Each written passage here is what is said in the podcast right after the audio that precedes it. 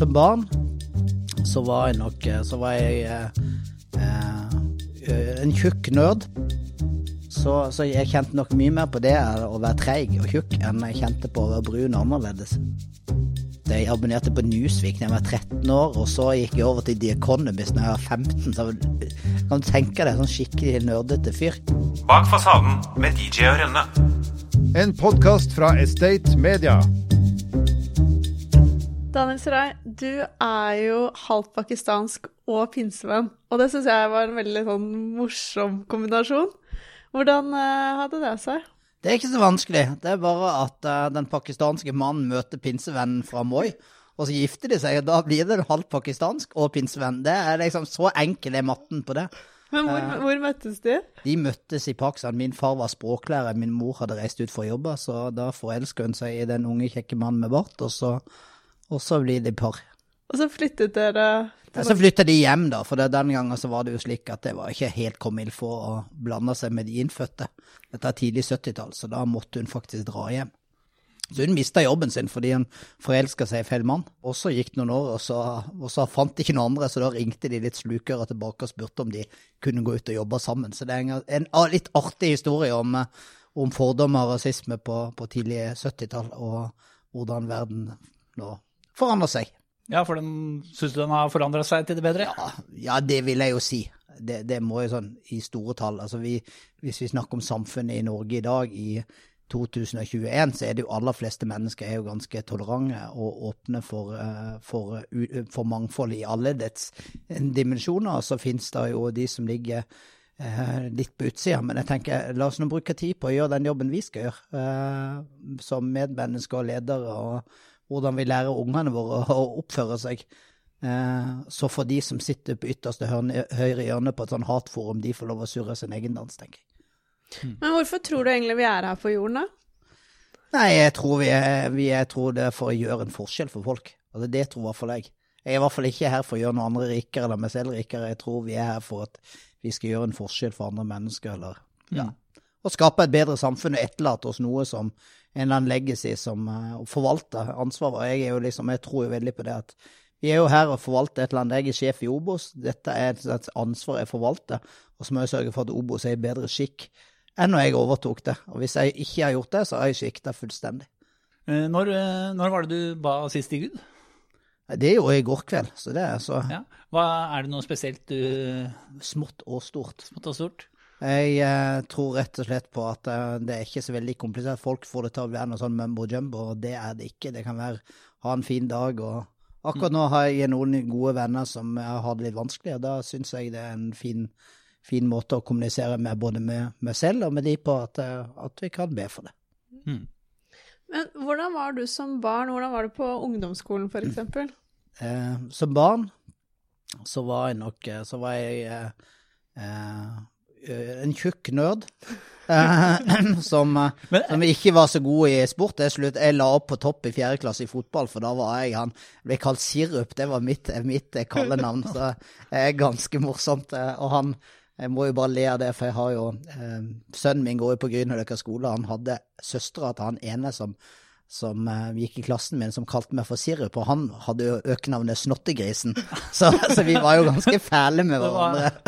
hyggelige barn. ja, hyggelige barn, men, men, poenget er at det er jo ingen altså Akkurat på det nivået der, så, så, så jeg kjente nok mye mer på det å være treig og tjukk enn jeg kjente på å være brun og annerledes. Ja. Uh, men du er da ganske fotballinteressert, antar jeg? Ja, veldig. Men, men, så mye som tida tillater. Men det er jo veldig fint å ha noe du brenner for som, som ikke er jobb og Excel-regneark og byutvikling. Reiser du mye til Manchester, da?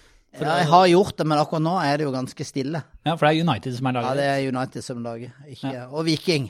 Viking. Og det er jo en stor fordel når man er sponsor for Viking, så er det jo enda kjekkere, for da kommer man seg jo på kamp rett som det. Ja. Men generelt er det å være interessert i det man driver med, ganske artig. Men eh, ja, sponsor, dere sponser også kvinnefotballen. Ja. Eh, gjort det nå ganske betydelig beløp over flere år.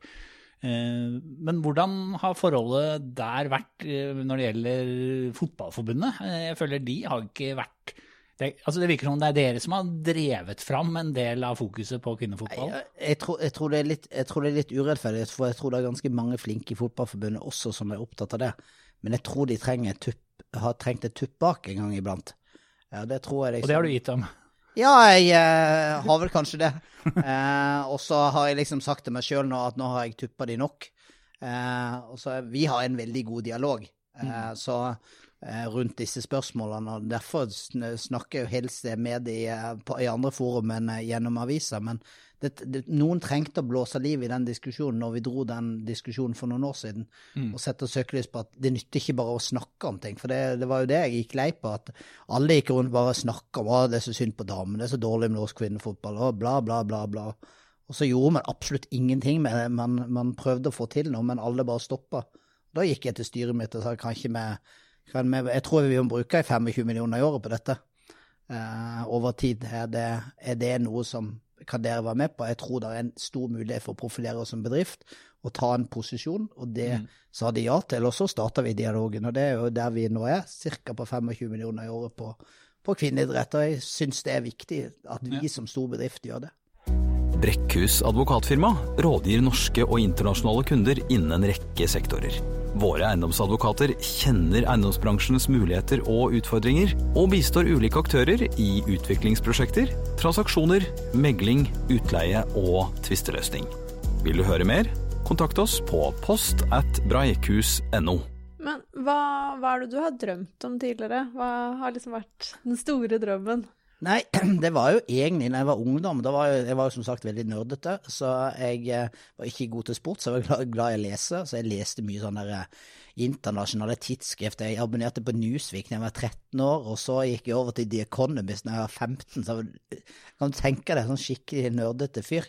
Og da blir du veldig opptatt av Jeg engasjerte meg i politikk veldig tidlig, så det handler jo egentlig om å drive bistandsarbeid. Men jeg var litt sånn i opposisjon til det som i dag vi kaller MDG-politikk. Og det, Dette er ikke sagt negativt om MDG, men jeg trodde jo veldig på at økonomisk vekst og, øko, og økonomisk utvikling Den gang var liksom ned med forbruket og kutt alle Litt den der samme litt outrerte eh, klima- og miljødebatten vi har i dag, eh, som, som, dominerte. Og dette er jo midten på 80-tallet. Akkurat samme diskusjoner som var den gangen. Den gang forsto vi ikke alvoret.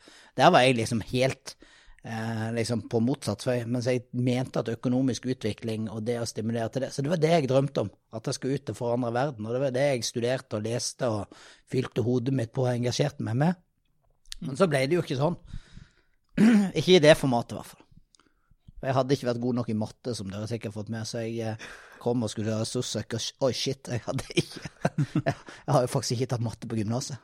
Dette går faktisk ikke. Nei, men uh, du endte jo da opp i Obos, som ja. er nå. Eh, hvordan skjedde det? Nei, det, det, det, skjedde Det er jo også litt sånn tilfeldigheter. Vi var på studietur i Kina eh, altså med kommunene. Der hadde Obos-sjefen Martin Mæland og Arvid Sveen, som da var hans nestkommanderende, og en som het Fritz Huitfeldt, som en gammel byrådsleder i Oslo. De var med oss kommunen på tur, som eneste private utbygger.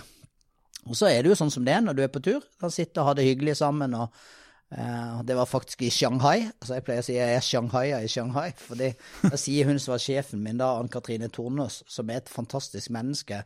Uh, utrolig mye å takke for. Det var hun som slapp meg fram og ga meg muligheten til å få lov å skinne, og vise og bli god. Og så sier hun da til Martin ja, når, når Daniel er ferdig, så må du, han må du ansette, sier hun. Og så sier jo Martin sikkert om det var høflig, eller fordi han mente det, det vet jeg ikke, men han sa ja, men du får søke deg når du er ferdig. Og så gikk det et år. Så sto jeg uten jobb, og da, da tok jeg tak i Fritz Huitfeldt og spurte du, har dere en jobb til meg, for jeg har ikke noe å gjøre når jeg er ferdig som byrådssekretær. Og det hadde han. Og da kom jeg innafor døra, og så har jeg fått lov å klatre gradene i Obos. Men apropos det å ha liksom flinke folk rundt seg, er det noen du har sett opp til, som du tenker at du har lært mye av? Jeg har jo lært eh, utrolig mye av alle de folkene jeg har hatt rundt meg. Sånn, jeg, jo, jeg, begynte jo på rådhuset med Ann Katrine Tornå, som var min sjef da. Som var byutviklingsbyråd. Lærte utrolig mye av henne. Denne viljen til å slippe fram andre, ikke alltid behøve å skinne det sjøl, du kunne gi fra seg ballen. Det tror jeg jeg lærte av henne. Jeg jobba som Erling Larsen, var en fantastisk byrådsleder. Mm. Altså, hva han har betydd for denne byen. Rolig og fin i formen. Altså en, en inspirerende leder. Jeg jobber sammen med Martin helt åpenbart.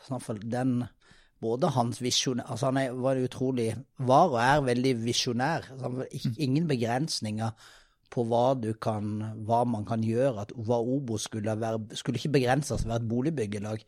Det å tenke store tanker faktisk gjør det, det er liksom ja, For dere har vel en finger med i nesten alle de store entreprenørene? Ja, men selvfølgelig, Det handler litt om å tørre å tenke stort og se hvilken verdi kan vi skape. og Den, den, den inspirasjonen der, og pluss mange andre uh, Jeg lar meg fortsatt inspirere av yngre medarbeidere som, uh, som, som er en annen samfunn, som ikke har vært mine ledere, men kollegaer rundt meg, som liksom hver for seg. Jeg har en som HR-direktøren min som er utrolig flink på, på folk. Samfunn. Det der med å være, ha en sånn støttespiller i teamet sitt som som faktisk er den sterkeste skillen, er jo faktisk å bedømme mennesker. Ikke bare skape business. Fordi det er den, Da har jeg alltid noe du, Hvordan er det? Hvordan, hva tenker du om den utrolig trygt når man skal ut og rekruttere? F.eks. til en ledergruppe, at man har noen som er gode på folk, og ikke har litt komplementære ferdigheter til meg. Men hva er det som gjør deg liksom oppriktig lykkelig? Det er jo liksom å få til noe. Liksom du skaper et bra resultat, eller men hva føler La se glede, andres glede, da. Se ungene lykkes med et eller annet. Når guttungen lykkes og stopper alpine, se 'pappa, se hva jeg fikk til'. Det syns jo jeg er gøy. Eller at når vi har bygd et eller annet kult, eller når, vi, når, eh, når, vi, når, ulven, når Ulvenparken flytter inn utskilte fasader Jeg kommer til å glede meg glugg i hjel når dette byggetrinnet står ferdig. For det er liksom en det at vi turte å gå i løs på det der industriområdet som lå der, som en slags industriørken, og skape dette levende by, det tenker jeg liksom, det har jeg fått til. Det hadde ikke skjedd hvis, hvis ikke jeg hadde liksom sagt at det må vi få til. Men hva, hva tenker du når dere får eh, masse kritikk og pes? Men, du, men sånn er det jo. Hvem er det? Altså, det, det du, har liksom, du, har, du har liksom For meg er kritikere i flere Du har det liksom i, i, i, litt ulike valører. Du har de som er genuint engasjert i sak, men tenker annerledes enn meg. Det syns jeg faktisk er helt ok. Det må vi faktisk leve med. At folk syns annerledes om hva som er bra byutvikling, hva som er god arkitektur, hvordan boliger skal være, eh, det er helt legitimt. Og så har du liksom de som, som egentlig drømmer om at Obo skal være noe annet enn liksom det som det var på 60-tallet. Mm. Eh, jeg skjønner det, jeg respekterer det, men, men jeg har liksom men, men, men, jeg tenker at vi er ikke der nå. Sånn, Rammebetingelsene er ikke være der. Og så har du de som Jeg så en på Twitter i dag. Som, han er bare sur hele tida. Det er liksom eh, Alt Obos gjør, er feil. Og det er liksom, det er ingen, ikke et saklig fnugg i argumentasjonen engang. Og det klarer liksom Det, det blir sånn Jeg gidder ikke svare på det engang. Mens de to andre kategoriene de må behandles med respekt, fordi de, selv om jeg kan synes at synspunktene er liksom Om jeg noen ganger synes de er dumme, så er det noe med et genuint engasjement. Når jeg fikk et brev fra et medlem, så var det liksom i den midtkategorien Du må ta folk på alvor. De mener det. Mm. Og som leder for dette medlemsorganisasjonen, så kan du ikke behandle han ut med mangel på respekt. Han fortjener jo å få ordentlig svar, selv om jeg er glugg uenig i det han mener. Så, så, du må liksom Det er en del av gamet å være toppleder i en, ja. en organisasjon som syns. Men litt sånn tilbake til det med i og med at så mange har en mening om dere, og kanskje ser på hva dere var i, på 60- og 70-tallet. Eh, er det da litt over the top å komme med men folk, folk, glemmer, vet du, at, at, folk var drit misfornøyde med Obos på 60- og 70-tallet. Altså, de som nå snakker om Obos på 60- og 70-tallet, snakker jo som det var slags Soria Moria slott der alt var flott. At folk var drit misfornøyde. Servicen i Obos var helt på bånn. Folk var misfornøyde med forkjøpsretten, folk var misfornøyde med å stå i kø, folk var misfornøyde med å bli tildelt en treroms leilighet i bydel Østensjø. Du visste ikke hvor du skulle bo. Du kom til Obos med lua i hånda, og så fikk du beskjed om at her, fru Hansen, de kan få en leilighet eh, på, i bydel Østensjø en eller annen gang om tre år. Eh, hvor og i hvilken etasje det spiller keine rolle. Men nå, men nå, kan man få en leilighet til 100 millioner på, eh, ja. millioner på Majorstua. Ja. Og det syns jeg er Så kan du si at jo, det er jo ikke så mange Obos-medlemmer som har råd til en, til en 100 millioners leilighet, men jeg kjenner opptil flere av de som faktisk er medlemmer, og som har råd, og som har som faktisk et, ikke lenge siden det var noen som, var, som stilte spørsmål om den leiligheten, så, så de fins jo. Og jeg tenker, det er ikke bare et markedsføringsstunt? Nei. Uh, altså, vi må ta betalt markedspris, og det som jeg sier, det, det, det høres litt sånn flåsete ut, men allikevel. Gitt av den mark hvis, hvis markedsprisen på den boligen er 100 millioner, og jeg solgte den for 60 Leiligheten er akkurat like stor fra før. Den er jo akkurat like stor. Hvis jeg solgte den for 60 og markedsprisen er 100, ville det vært hva, hva gjorde vi jobben vår da? Som Obos med å gi bort 40 millioner til en eller annen riking som hadde råd til å betale 60? Eller hvis vi hadde solgt den for 35, og så hadde vi gitt bort 65 millioner til en riking som hadde masse penger fra før. Da syns jo jeg faktisk at det er bedre å ta de 65 i gevinst, eller på toppen, da, og så, eller hva det nå enn er, og så si at ja, vet du hva, det den prisen, må vi faktisk, eh, må vi faktisk ha, så bruker vi de pengene til å kjøpe nye tomter. Da tar vi en kort pause for å minne om at BN Bank er spesialisten på finansiering av næringseiendom i Oslo-regionen. BN Bank er en rendyrket eiendomsspesialist og kjennetegnes av hurtighet, fleksibilitet og forutsigbarhet. Gode løsninger sikres gjennom medarbeidere med høy kompetanse og sterke relasjoner til kundene. Kontakt BN Bank nå. Men du bor jo selv på Grünerløkka. Ja. Og hva er det du liker best med å bo i byen? Jeg bor jo i, i for, for, å si det sånn, jeg bor i ordentlig industrielt byggeri, bygd av hjem, så hvis noen spør om du live the brand, så, så, gjør jeg det. Nei, det jeg liker best med å bo i byen, det er liksom nærheten til alt. Bruker det, du byen mye? Nei, eh, ikke sånn. fordi nå har jeg vært i barnefasen der jeg har vært opptatt av at jeg jobber. Jeg må ha en god logistikk, og det er jo fantastisk. Du slipper den pendlinga.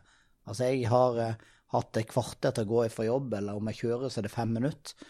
Uh, guttungen har sju minutter til skolen sin. Uh, på Grünerløkka skole, han eldste som går på videregående, har et kvarter å gå på skolen. Hvis vi skal organisere fritidsaktiviteter, så er faktisk ting veldig nært hjemme. Så for oss har det vært en sånn Først og fremst, men nå under pandemien så er det fantastisk å gå langs Akerselva. Jeg gikk to timer i sola i går. Bare gå rett ut, og så gå i sånn urbant miljø og kjenne på sola og snakke i telefonen og liksom bare tenke åh, oh, det er fantastisk å bo i byen. Jeg kommer til å savne Jeg skal ikke flytte ut av byen, for å si det sånn. Men nå nevnte du eh, noe som har vært veldig fint under eh, koronaepidemien. Er det, er det andre ting som du tenker at mm, ja, du har lært av denne perioden, som du vil ta med deg? Nei, men jeg tror vi må lære av denne tida her at hvor sosiale vesener vi egentlig er eh, både på jobb. Altså, alle har drømt om hjemmekontor. Eller mange har snakka om den fleksibiliteten mm. eh, som er, og den har vi nå fått testa. Og så har vi nå funnet ut at jo, det kan være overkill av fleksibilitet òg. Fordi fleksibilitet har sine baksider. Eh, fordi eh, jeg ser jo det på lederen, vi fyller jo dagene våre utrolig tett fra morgen til kveld.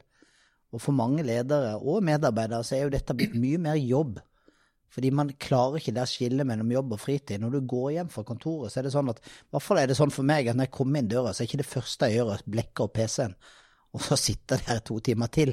Da prøver jeg liksom å være litt til stede. Jeg kan godt sette meg i sofaen med en iPad og lese avisen, men jeg er i hvert fall et annet sted enn i jobben.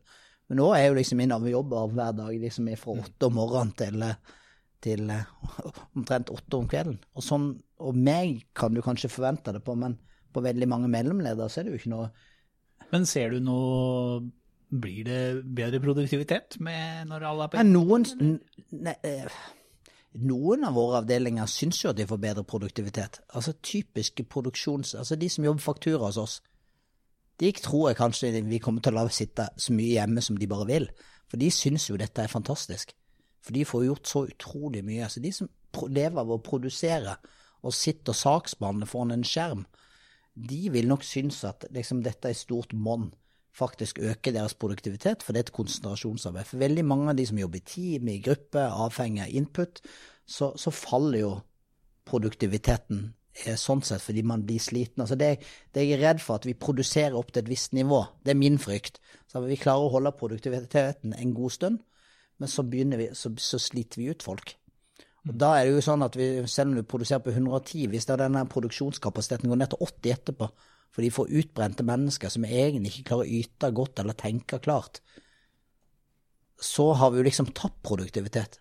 Og hvis vi taper kreativitet For én ting er liksom måle antall papirer flytta eller saker behandla, eller boliger solgt, men hvis vi taper kreativitet fordi vi ikke møter hverandre, så, så er det produktivitetstap mye større i lengre tid enn det vi vinner på å sitte sånn. Så jeg tror vi må ha liksom hatt balansert forhold til det hjemme-borte-arbeid. Så det du egentlig sier nå, da, er at du ikke tror at folk klarer å regulere den biten selv? Nei, jeg tror det er veldig vanskelig. Det er i hvert fall en tilbakemelding vi får, at, at folk syns det er vanskelig. Mange setter pris på for det vi spør. Så folk, ja, folk vil ha et par dager i uka hjemme, og resten på jobb. Og da, jeg tenker vi, vi kom, jeg tror man kommer til å oppleve at arbeidsgiveren må, må tilføre mer fleksibilitet, så man tar med seg det bra med hjemmekontoret. Mindre stress i hverdagen. Jeg får brukt mer tid, og barna mine ser meg jo mye mer enn de noen gang har gjort. Så det er en positiv verdi. Er du sikker på det? Nei, nei. Ja, jeg tror de syns det. Ja, Jeg tror, jeg jeg tror når Philip kom hjem fra skolen han er, ja. Nå har det jo vært litt eh, debatt de, om eh, Oslo og utviklingen her med tanke på at eh, det er en del bydeler hvor det er høye smittetall. Og eh, mange av, en av grunnene er at folk bor trangt, og kanskje en del bor jo i Obos-blokker eh, her og der. Eh, har dere, gjør dere noe for eh, holdt å si, de eh, blokkene i drabantbyen hvor det er veldig tett, eller hvordan Det er veldig vanskelig for oss å gjøre noe, for dette er jo borettslag og sameie Ja. som, som, som styrer seg selv. Eh, og, og vi får jo ikke gjort noe med størrelsen på leilighetene. Folk bor jo sånn som de bor. Og, Ja. og det er jo en grunn til at folk bor mange i en leilighet. Altså, det bygges jo ikke store nok leiligheter eh, til å romme eh, husholdninger med syv barn. Nei. Altså, en, Hvis du ser på hvem som i dag får syv barn, det er, det er jo husholdninger med lav inntekt. Å forvente at de skal bo som nordmenn som har to barn med hvert sitt soverom, det er, en ureal, det er urealistisk. Eh, så, så, så, så jeg tror liksom trangboddhet til en viss grad er en konsekvens av det. Men det, vi må, det man jo må jobbe med, det er jo jobb. og det er jo der jeg opplever at kommunen jobber så bra de kan. Men jeg tror disse miljøene gjør så godt de kan. Men det er faktisk vanskelig å Hvis en i husstanden blir smittet, så smitter du mange flere. Ja. Hvis noen hos meg blir smitta, så smitter vi fire. Hvis de smitter, så, smitter, så er det kanskje ti som er smitta. Og det tror jeg ikke vi hadde unngått oss som. Nei. Men eh, dere har jo kommet med noe Altså gjøre litt eh, Ha noe tilbud på hva på å si, bakkeplan. Med et nytt konsept, var det vel. Med et slags co-working-opplegg i nærheten. Vi, vi jobber jo med det som heter Obos nærkontor, som vi skal ha en pilot på i april, hvis bare verden åpnes opp. Uh, som blir spennende, fordi det handler jo litt om at folk ikke nødvendigvis behøver å jobbe hjemme. Og det handler litt om å adressere der folk bor, Vi bor kanskje trangt, har ikke et hjem som er tilrettelagt for liksom intensivt arbeid hjemme. Det å kunne tilby en sånn type fasilitet som det her, komme ut, profesjonelle fasiliteter som arbeidsgiver betaler for. Eh, gjør at du liksom kan ha en liksom eh, Hovedkontoret er den primære arbeidsbasen, og så kan du jobbe litt hjemmefra. Men så kan du få tilgang på disse profesjonelle fasilitetene ute. Så du kan sitte litt mer organisert. For da slipper vi å måtte Det er jo ikke god ressursbruk hvis vi skal drive og kjøpe kontorpulter og skjermer og alt mulig rart til dobbelt opp hjemme hos folk, i tillegg til på kontoret og et annet sted. Men apropos god ressursbruk, for vi hørte jo rykter om at uh, i 2014 var det vel, så kjørte Obos privatfly til Sverige.